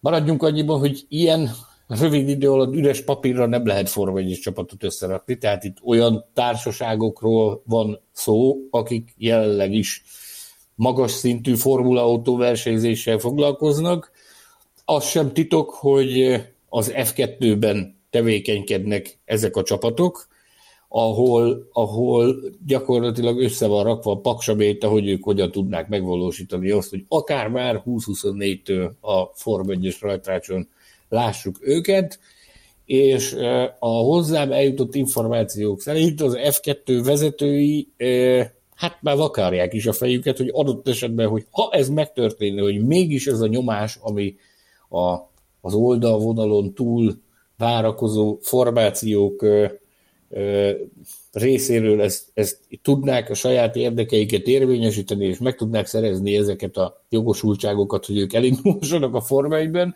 akkor hogyan lehetne ezeket a csapatokat pótolni az F2-ben. Maradjunk ennyiben. Hm. Neveket egyelőre nem mondok, mert még túlságosan korai fázisban van ez a sztori ahhoz, hogy, hogy ezt biztos, hogy maradjunk annyiba, hogy kettő darab F2-es istáló van, akik úgy érzik, hogy készen állnak arra, hogy a Forma 1 szerepeljenek 2024-ben, és kő keményen nyomulnak, lobbiznak annak érdekében, hogy az F1 és az FIA vezetői valamikor jussanak el arra a szintre, hogy azt mondják, hogy áldásunk rátok, jöhettek és versenyezhettek a Forma 1-ben. Nagyon sok szó esett az elmúlt napokban a jövő évi kalendáriumban. Bocsáss meg, ehhez hadd fűzek hozzá annyit, hogy nem kell neveket mondani, meg én se fogok, de emlékeim szerint két éve, de lehet, hogy már három éve volt plegyka egy ilyen F2-es istálóról, hogy majd esetleg. No, majd lehet keresgélni az archívumokban, és az az érdekes, hogy három csapatot említettél, és milyen furcsa, hogy a sportszabályzat épp 26 autót enged a rajtrácsra, az más kérdés, hogy a közös kasszából ugye kinek Ez a mennyi legfőbb kerékkötője ugye ennek a történetnek. De én biztos vagyok benne, hogy a tél annyira azért nem hosszú, hogy mindenre jusson idő, de szerintem biztos lesznek olyan műsoraink, amikor majd egy kicsit jobban el tudunk mélyülni ebbe a témába. Én egyelőre ennyit engedjenek be a kedves hallgatók, hogy ezzel csigázzam őket, hogy ezek a bizonyos alakulatok, ezek bizony nagyon elszártak, és nagyon dörömbölnek ezeken a bizonyos ajtókon. Egy picit még a jövő évi versenynaptáról szeretnék beszélni. Ugye 24 futamos 2023-as szezonnal számolunk, ennyit jelentett be a a, a Formula One Management, hogy 24 futamunk lesz 2023-ban. Ez már most úgy tűnik, hogy ez akár rövidülhet is záros határidőn belül egyel. A kínai nagydíj az, aminek a, a jövője kérdéses. Kínában egy úgynevezett zero covid policy van érvényben, amivel, ami azt jelenti, hogy elképesztően szigorúak a belépési feltételek, meg a belépési szabályok Kínába a COVID kapcsán még mindig, és állítólag ez a Zero Covid Policy, ez egy olyan szigorú történet, hogyha adott esetben már a mai napon lelőnék, és azt mondanák, hogy jó, akkor feloldjuk ezt a korlátozást, annak az utózöngéi azok is olyan szigorúak, hogy addigra, mire a Forma egy Kínába készülne, még, még, még mindig annyira szigorúak lennének a beléptetési dolgok, hogy ezt nem lehetne megvalósítani. Úgyhogy egyelőre bent tartják a rendszerben, reménykednek abban, hogy, hogy változás is történhet, viszont a mi kínai forrásaink azok azt jelzik, hogy 2023-ban ne készüljünk Kínába, mert nagy valószínűség szerint nem lesz kínai nagydíj. Meglátjuk, hogy mi az igaz ebből. Hivatalos állásfoglalást egyelőre nem adott közre a Formula One Management, de ahogy elnézem azt a hétvégén hallott információt, ezt úgy látom, hogy egyre több nemzetközi sajtóorgánum is kezdi, kezdi lehozni, úgyhogy akár még lehet is benne valami, hogy, hogy a kínai nagydíja nem kell számolni jövőre, de majd meglátjuk, amikor lesz ezzel kapcsolatban hivatalos állásfoglalás. Ennyit a pusborgásokról jelenleg. Akkor pontozzunk, kedves barátom, ugye a szezonban utoljára 1 és 10 között értékeltük mind a ketten minden pilóta a teljesítményét, kettőnk pontszámait átlagoltuk, így született meg az a az az érték, amit most kiosztunk a hétvégi produkcióra. A Mercedes-szel kezdjük szokás szerint, jövőre majd máshogy lesz, ugye a konstruktőri, az előző évi konstruktőri VB sorrendjében, hogy a boxokat osztják, úgy mi is a kis táblázatban e szerint osztottuk ki a helyeket. Na, szóval kezdjük a Mercedes-szel, Lewis Hamilton kiesett, sajnos pedig nagyot küzdött egy sérült autóval, 8 pontot kapott, George Russell pedig egy pindurit kevesebbet, 7 és felett.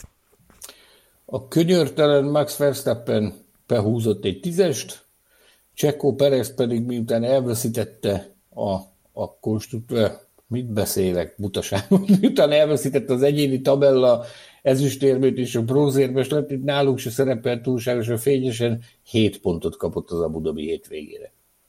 Azt hittem, ez egy újabb pusmorgás, hogy Perez miután összeveszett Verstappennel most saját csapatot fog építeni. Na de, erre, erre még várnunk kell. Bocsánat, én vége van, a lónak is négy lába van, néha mégis megbotlik, én is, én is így történt. Én velem is ez így, sorry. Ugye Horácius úgy fogalmazott, hogy még a jó Homérosz is elszundikál néha, hát még mi. Na, ferrari folytatjuk. Carlos Sainz csöndes, korrekt, de csöndes hétvége, 7 pont, Charles Leclerc pedig megszerezte azt a bizonyos ezüstérmet, 9 pont. McLarennel megyünk tovább. Lando Norris ezen a hétvégén is szerintem jó formában volt, meg, meg, meg nagyon jól ment, meg is kapta érte a jó megérdemelt 8 és fél pontját, Ricardo pedig egy 7 és feles produkcióval búcsúzott egy időre a Formula Podcast értékelésétől. Is. Többen között, így van. Jó, jó kis versenye voltam, úgy Ricardónak csak az az időmérő ne lett volna, mert a verseny szerintem önmagához képest mindenképpen, mindenképpen rendben volt. Alpin, jaj, Alonzóra még visszatérünk a külön díjaknál, ki hitte volna. 7 pont Alonso, mert amíg ment az autó, addig jó volt. Hányszor elmondhattuk ezt idén? 8-szor, 10-szer? Amíg ment az autó, addig jó volt. Esteban Okon pedig 7 és fél, ő is egy, egy szép, szép versenyzéssel búcsúzott ettől az évtől. Alonso meg, hát posztoltam egy képet a podcast csoportba, tehát tudod, hogy amikor már vasárnap este ment át az Aston Martinhoz, ez a, ez a végre, végre mehetek innen. Szerencsétlen. Alfa Taurival megyünk tovább. Pierre Gasly, hú, hát katasztrofális hétvége, négy és fél pont. Mikor kapott ez a jó fiú utoljára gyere keveset? Hát figyelj, ezt én ismertes Cunodát, és addig megnézem, idén kapott mert nem vagyok benne okay. biztos. Cuki Junodának hat és fél pontot adtunk el a hétvégére, de a Gasly négy és fél, az én nem tudom, hogy mikor volt utoljára ilyen. Hát Azt évekre nem nézem vissza, de idén nem volt ennyire alacsony. Tényleg az időmérő is szörnyű volt. A versenyen nyilván a taktikája is vacak volt, azért nem lehet őt hibáztatni, de hát a végén meg tényleg most a na, testvércsapat bajnoki második helyért hajtó versenyzőjét föltartani, mert te Albon gyepálod a 13. helyen, ez, fú, ez nagyon csúnya, nagyon csúnya hiba.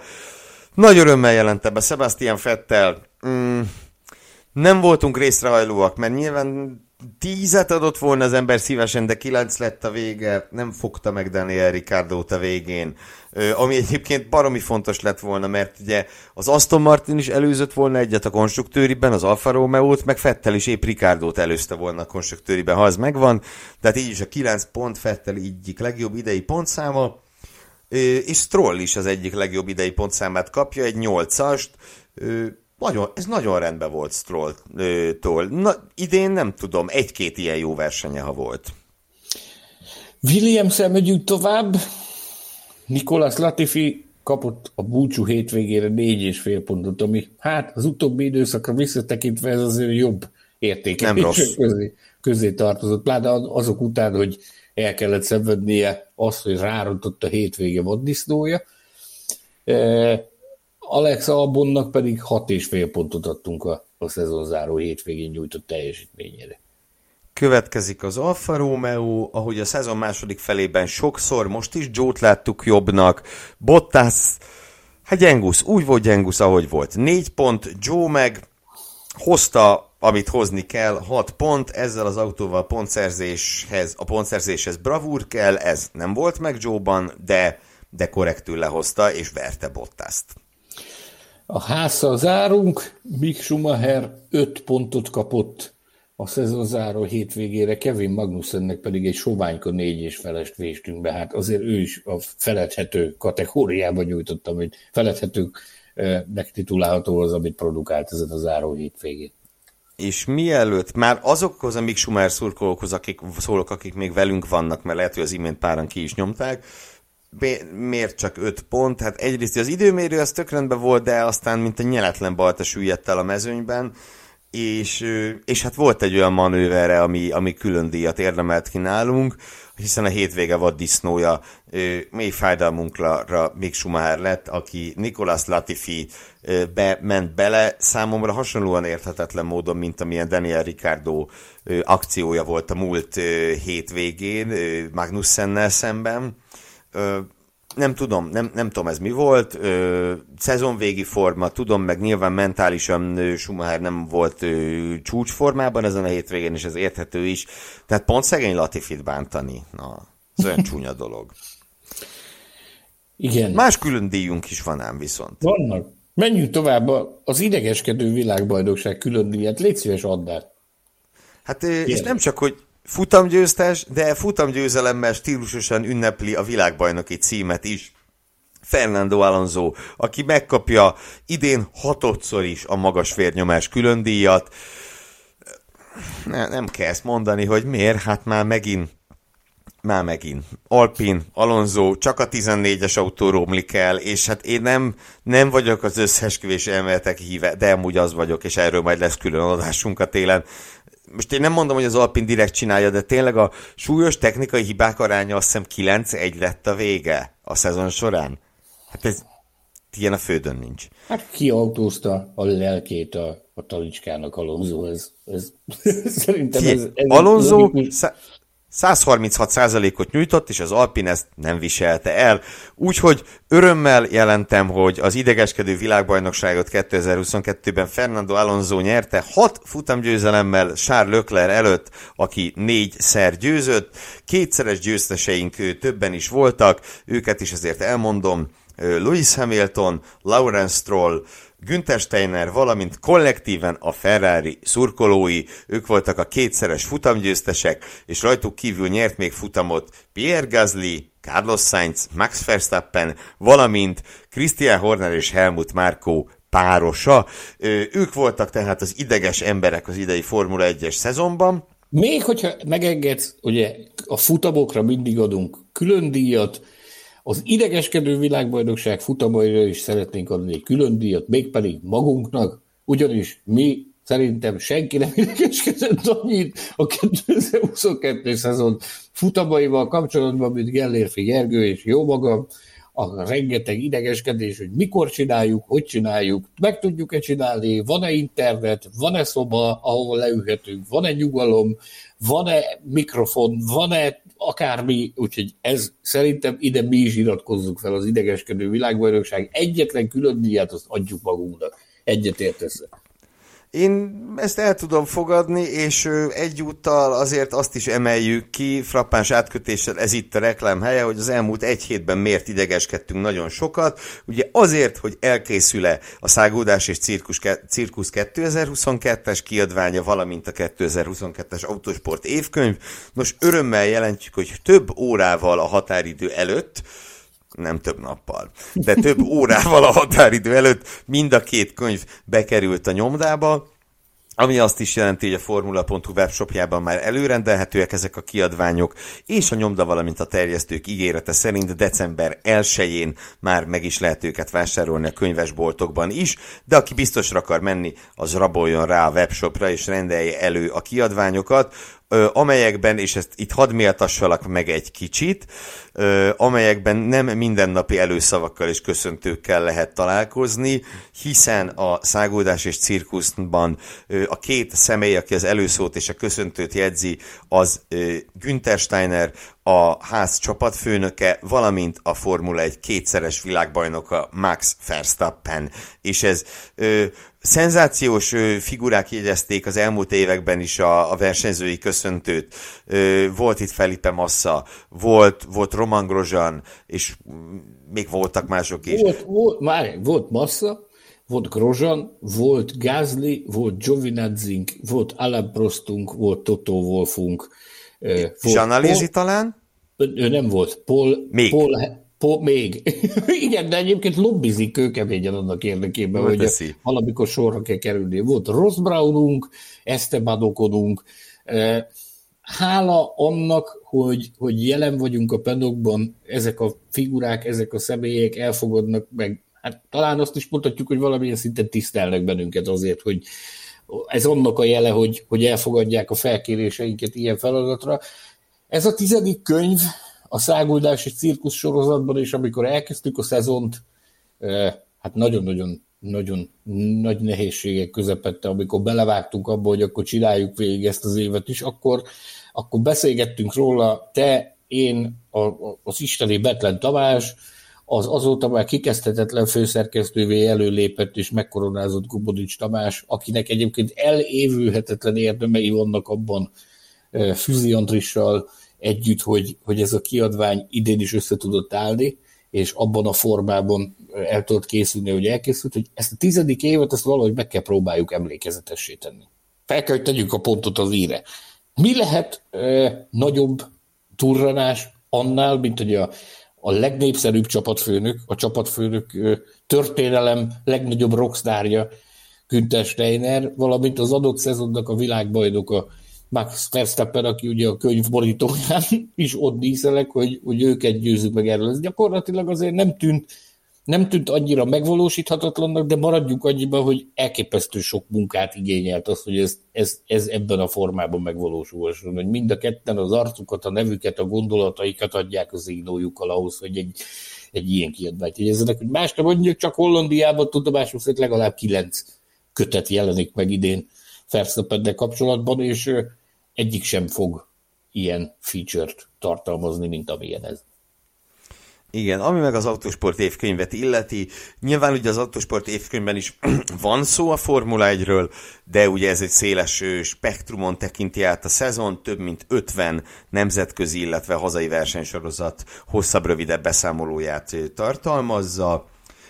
És mivel az összes hazai bajnokságról írunk benne, különösen nagy terjedelemben a, a két talán nem, nyugodtan mondhatjuk, hogy a két legszínvonalasabb magyar bajnokságról, a Rally 1-ről, illetve a Rally Crossról különösen nagy terjedelemben. Szóval éppen ezért nagyon nagy megtiszteltetés számunkra, hogy sorozatban 800-szor is a nevét adta és az előszavát jegyezte ennek a könyvnek Olá Gyárfás, a Nemzeti Autósport Szövetség elnöke.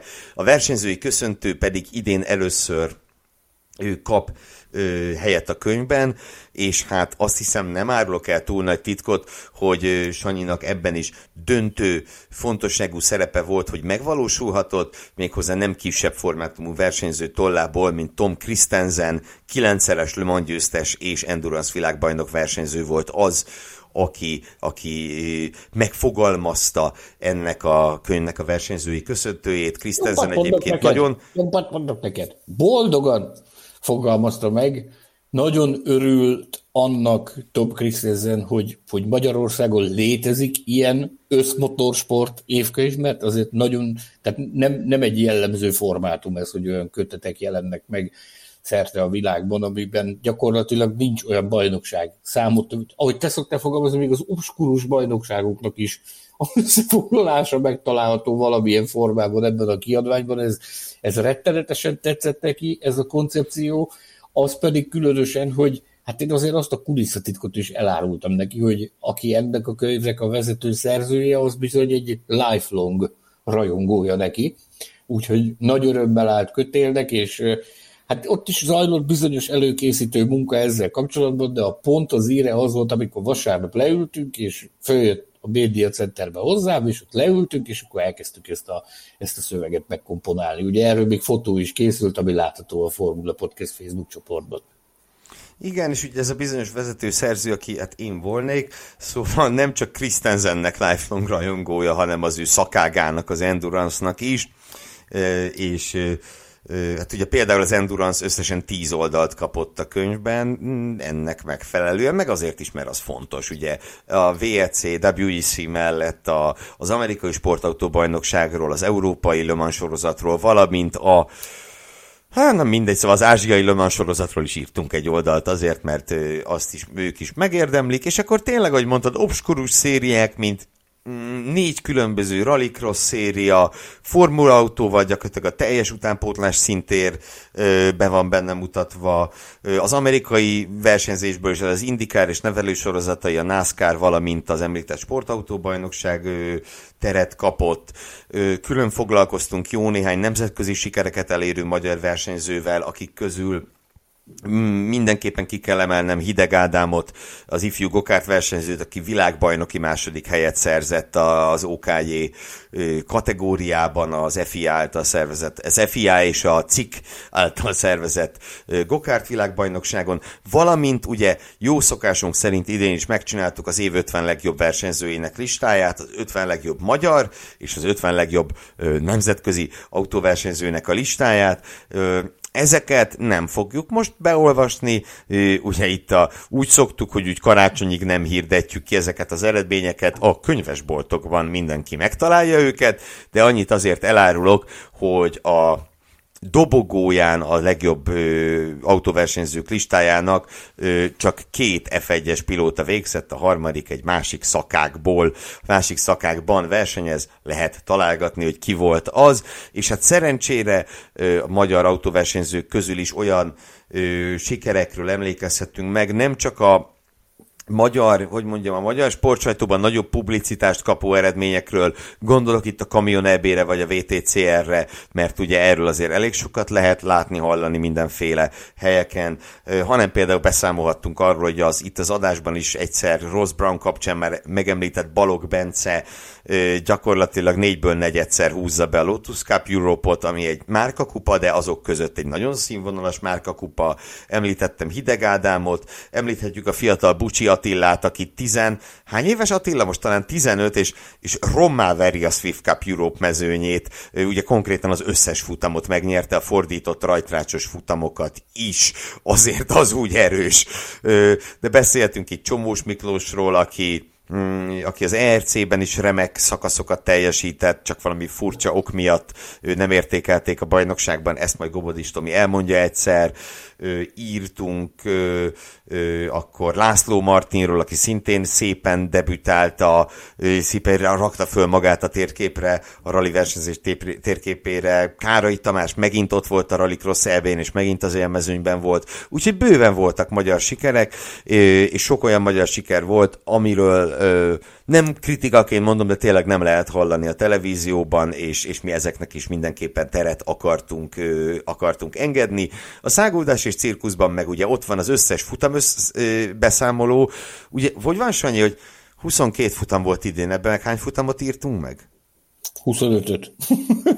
25-öt. A, a tavalyi utolsó három, ugye nagy szívfájdalmunk volt 2021-ben, hogy nem tudtunk teljes értékű szezon összefoglaló kiadványt adni, mert ha megvárjuk a szezon végét, akkor nem lett volna könyv. Ez egyre egyszerű, ez a realitás a, a, a korunkban, hogyha olyan sokáig vársz, akkor nincs esélyed arra, hogy, hogy a karácsony fa alá oda csempészd a, a Form 1 szezon összefoglaló kiadványodat, úgyhogy mind a két világbajnok aspiráns megkapta az előző évben a méltatást, és ott az utolsó három futam előtt kellett, hogy egy vágást eszközöljünk, és az, annak a három futamnak az összefoglalója az tulajdonképpen ebbe a kiadványba került be, tehát aki, aki, aki hűséges olvasója vagy gyűjtője ennek a sorozatnak nem marad le az a három futam összefoglaló sem, mert az ideiben megtalálható, és tulajdonképpen ez ágyazott meg annak a hangulatnak, amilyen hangulatban a 2022-es meglehetősen érdekes Form 1 szezon kezdődött, tehát nem is, nagyon, nem is olyan óriási nagy baj az, hogy ez ide került át. Tehát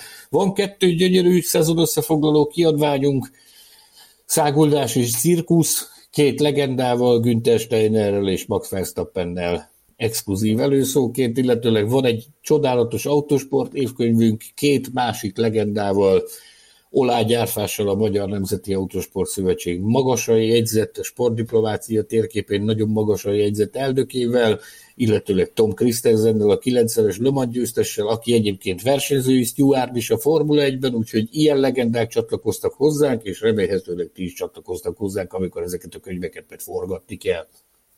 Hát igen, ugye az autosport évkönyv majdnem 300 oldal lett, és tényleg azt posztoltam Körülbelül annyival kevesebb hajszálad is van, ahogy elnézlek most a kamerán. Hát igen, hát igen, de ugye az nagyon meghullott, bár a podcast csoportban értesülhettek róla, akik ben vannak velünk, hogy így két nappal a nyomdába állás előtt olyat tettem, mint soha életemben, egyszerűen beleborítottam egy bögre kávét a laptopomba, és a, hát ugye az van, hogy magamba borítani a kávét tök célszerű, de a laptopomba nem, és ezt a krízis is el kellett hárítani. Ugye mikor csináljál ilyet, ha nem 48 órával a könyvleadás előtt? Persze, hogy ennek így kell történnie, de mindent, mindent elhárítottunk, mindent túléltünk, nyugodtan mondjuk el azt is, hogy Tom Christensen aláírása nyomdába adás előtt 13 perccel lett meg, de meg lett, mindent megcsináltunk, amit kellett, úgyhogy, úgyhogy keresétek a könyveiket, és ö, ilyen csúnya közhelyen élve, de tényleg nem tudok más mondani, hogy lapozgassátok akkora nagy szeretettel, mint amivel mi készítettük őket, és muszáj itt a magam, a ten magad, valamint Betlen Tamás nevében azért itt néhány embert méltatnunk, már említetted Fűzi Andrist, aki ugye elsősorban onnan ismerhetitek őket, hogy a képeinket, és a, tehát a borító képeinket gyártja az adásainkhoz, de itt ilyen embertelen munkát végzett az Andris, szerintem nem aludt. A... Várja, várja, várja, várja, várja. Év végén van, most már egy kicsit azért beszélgessünk egy kicsit részletesebben. Jó, ez nem elég. Tehát az, hogy képek és borítók nagymestere, meg hogy a borítóinkat ő csinálja, meg ő válogatja a képeket, gyerekek. Az Andris az egy olyan különleges személyiség. Már én ezt, ezt is használtam egyszer, hogy számítástechnikai, grafikai és lelki problémákkal is fordulni. Tehát amit el tudtok képzelni, ez a drága jó ember. Tehát nincs olyan orbitális állatság, amivel, hogyha megtaláljuk, hogy ne az lenne az első, hogy sebességet változod is, szúr egy kettes menekülőt, és megpróbálja megtalálni a megoldást arra, hogy hogy tudna rajtunk segíteni. Ez nem csak akkor van, amikor itthon vagyunk, hanem amikor a világ bármely pontján felbukkanunk, és, és ott valamiféle orbitális ökörségbe botlunk, és ami, ami külső beavatkozást és segítséget igényel, az biztos, hogy ha az éjszaka közepe van, ha hajnal van, ha napközben van, az biztos, hogy az Andris terrorizáljuk ilyennel, és az a drága ember egyszerűen nincs olyan probléma, amire megoldást ne tudna nekünk szállítani. Úgyhogy ha van a mi szerkesztőségünknek nagyon nagy kincse, akkor, akkor az ez a drága jó ember Füzi András, akinek én a magam részéről ezúttal is szeretném megköszönni azt, hogy egész évben mindenben támogatott, mindenben segített engem, és itt a könyv leadás közepette újfent bebizonyította, hogy gyakorlatilag ő a terminátora ennek a szerkesztőségnek. Tehát nincs olyan, nincs olyan lövedék vagy golyó, ami fogna rajta, mert minden, minden problémát meg tud oldani. Köszönöm szépen, Andris! Így van, és, és hogy a képválogatás sem alábecsülendő dolog, a két könyvben összeadva nagyjából ezer darab kép található, és ezt kitalálhatjátok, hogy ezt nem ezerből kellett kiválogatni. Annyit mondanék, hogy az a mappa, ami egy Forma 1-es futamról összeáll, durván 1000-1200 képet tartalmaz egy nagy díj hétvégéről. És Na, ez már az előválogatott, ez már az előválogatott mappa, de ami az előválogatott képek kerülnek. Tehát ez, ez tényleg embertelen meló. És a többiek, ugye említetted Gobodis Tomit, aki ugye újabban már főszerkesztőként lebeg fölöttünk, de azért szerencsére néha leszáll közénk ide a podcastbe, és hamarosan lesz amúgy megint adásunk vele. Szóval Tomi ugye egyrészt a rallis anyagokkal, mert ugye ő a rally nagymestere, szerzett elévülhetetlen érdemeket, valamint, mm, valamint ugye a szágódás és cirkusz szerkesztő munkáját.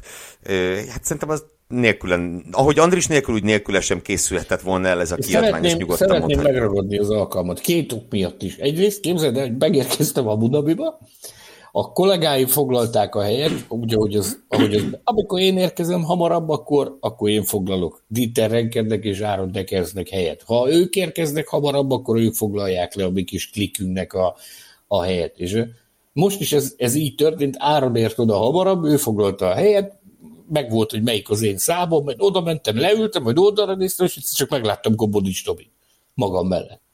Azt a mindenit, hogy hét mérföldes szakám, az hogy került ide majd? Egy kicsit jobban nézegettük és rá kellett jöjjek arra, hogy nem Gobodics Tamás ül mellettem, hanem Ausztrália válasza Gobodics Tamásra, akit Matt Kocsnak hívnak, a Speed Café című internetes újságnak a, az utazó tudósítója, akit eddig mindig csak Zoomon láttunk egyébként, mert hát ugye Ausztrália nagyon messze van, és hosszú idő után először jött versenyre. Én magam még soha nem is találkoztam vele személyesen. Tehát azokon a versenyeken, amiken ő felbukkott, azokon én nem voltam ott. Most találkoztunk először személyesen, azzal kezdtem, hogy úgy tettem, mintha, mintha, mintha lenne előtte képernyőt, ott megkopogtattam. Rájöttem, hogy nincs, Úgyhogy elkezdtünk beszélgetni erről, azonnal megmutattam neki Gobolis Tamást, hogy tessék, itt van a magyar kiadás, aki természetesen sokkal jobb, mint ő. Elmondtam, hogy ő Ausztrália válasza erre a drága emberre, aki a mi főszerkesztőnk, úgyhogy itt kezdeném, hogy Gobodics Tomi nem csak lélekben volt jelen, velem az a Budabi hétvégén, hanem egy hasonmását is elküldte a, a sors, hogy ott legyen mellettem, és a...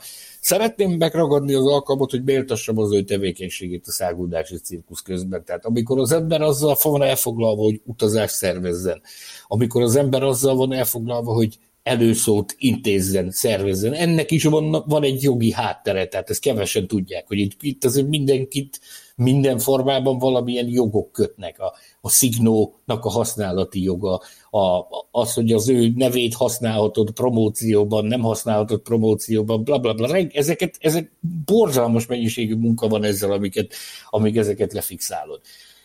És ugye, amikor még ezt is csinálnod kell, van egy magánéleted is, amivel szintén foglalkoznod kell, van más területe az életednek, amivel, amivel foglalkoznod kell. Ilyenkor jön az, hogy a Gobonics Tomi egy lángos lop, és az egészet összefogja, és gondját viseli olyan dolgoknak is, amiről nekem, nekem fogalmam sincs, vagy éppen a világomat nem tudom éppen.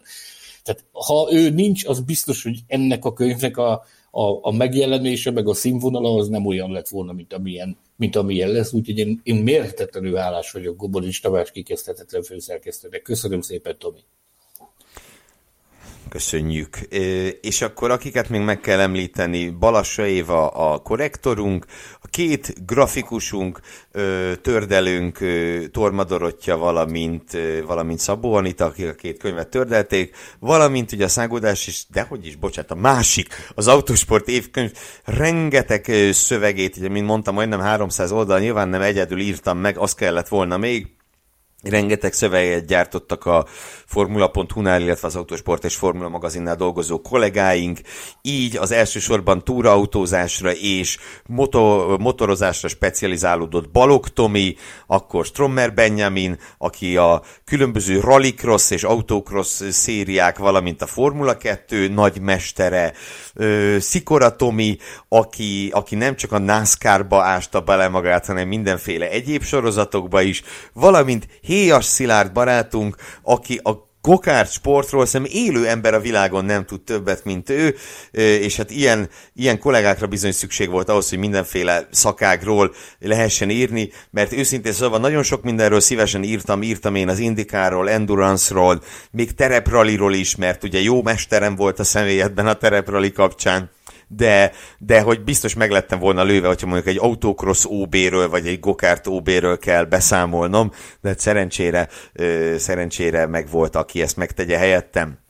No, akkor itt most kicsit többet beszéltünk a házunk tájáról, de remélem így az év végére való tekintettel elnézitek ez nekünk, illetve tényleg fontosnak tartottuk, hogy rámutassunk arra, hogy itt ebben a konglomerátumban azért nem csak ketten vagyunk meg az elnyűhetetlen, hanem bizony nagyon sokan, akik, akik dolgoznak, mindannyiuknak nagyon köszönjük azt, amit, amit itt, itt produkáltak az elmúlt hetekben, nektek pedig nagyon-nagyon köszönjük azt, hogy meghallgatátok a szezon 22. és utolsó utolsó futamértékelő adását. Persze a Formula Podcast ö, téli pihenőre nem vonul, ö, terveink szerint nem lesz olyan hét, amikor egy adásunk se lesz, ö, készülünk karácsonyra és készülünk szilveszterre, ugye lesz karácsonyi külön kiadás és lesz szilveszteri külön kiadás, ahogy mindig.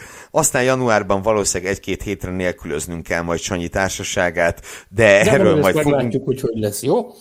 Fogunk erről részletesen még beszélni, hogyha így alakul, és akkor hát a szezonnyitói megpróbálunk minél több érdekességgel előhozakodni nektek. Lesz egyébként egy podcast találkozónk is, amiről a Formula Podcast Facebook csoportban olvashattok december 11-én 11 órakor, ahol például az említett könyveket meg lehet majd vásárolni, és hogyha valakinek erre van igény, akkor nagyon szívesen alá is, alá is írjuk, dedikáljuk is nekik.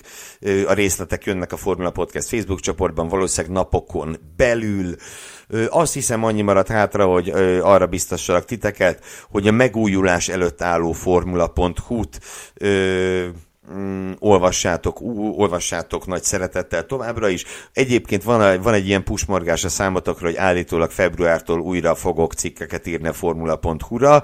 Ö, ezt én állítom, állítólag így lesz. Majd meglátjuk. Pusmorogtam magamról kicsit. Lehet, hogy elég jó források vannak ebben ezzel a pusmorgással kapcsolatban. Majd csekkolom a fact majd ezt meg kell ejteni, hogy mi az igaz ebből.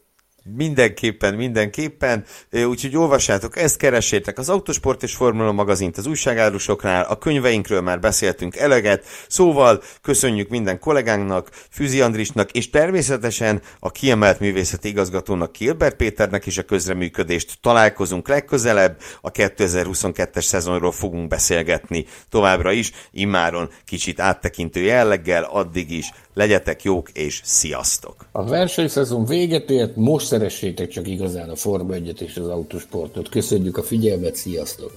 Hallgass meg korábbi műsorainkat, valamint iratkozz fel ránk Spotify, Google, Apple Podcast vagy más csatornáinkon. A linket megtalálod a leírásban, illetve a formula.hu weboldalon. Ha szeretnél hozzájárulni a műsor készítéséhez és fejlődéséhez, látogass el Patreon oldalunkra, amelynek címe www.patreon.com per Formula Podcast.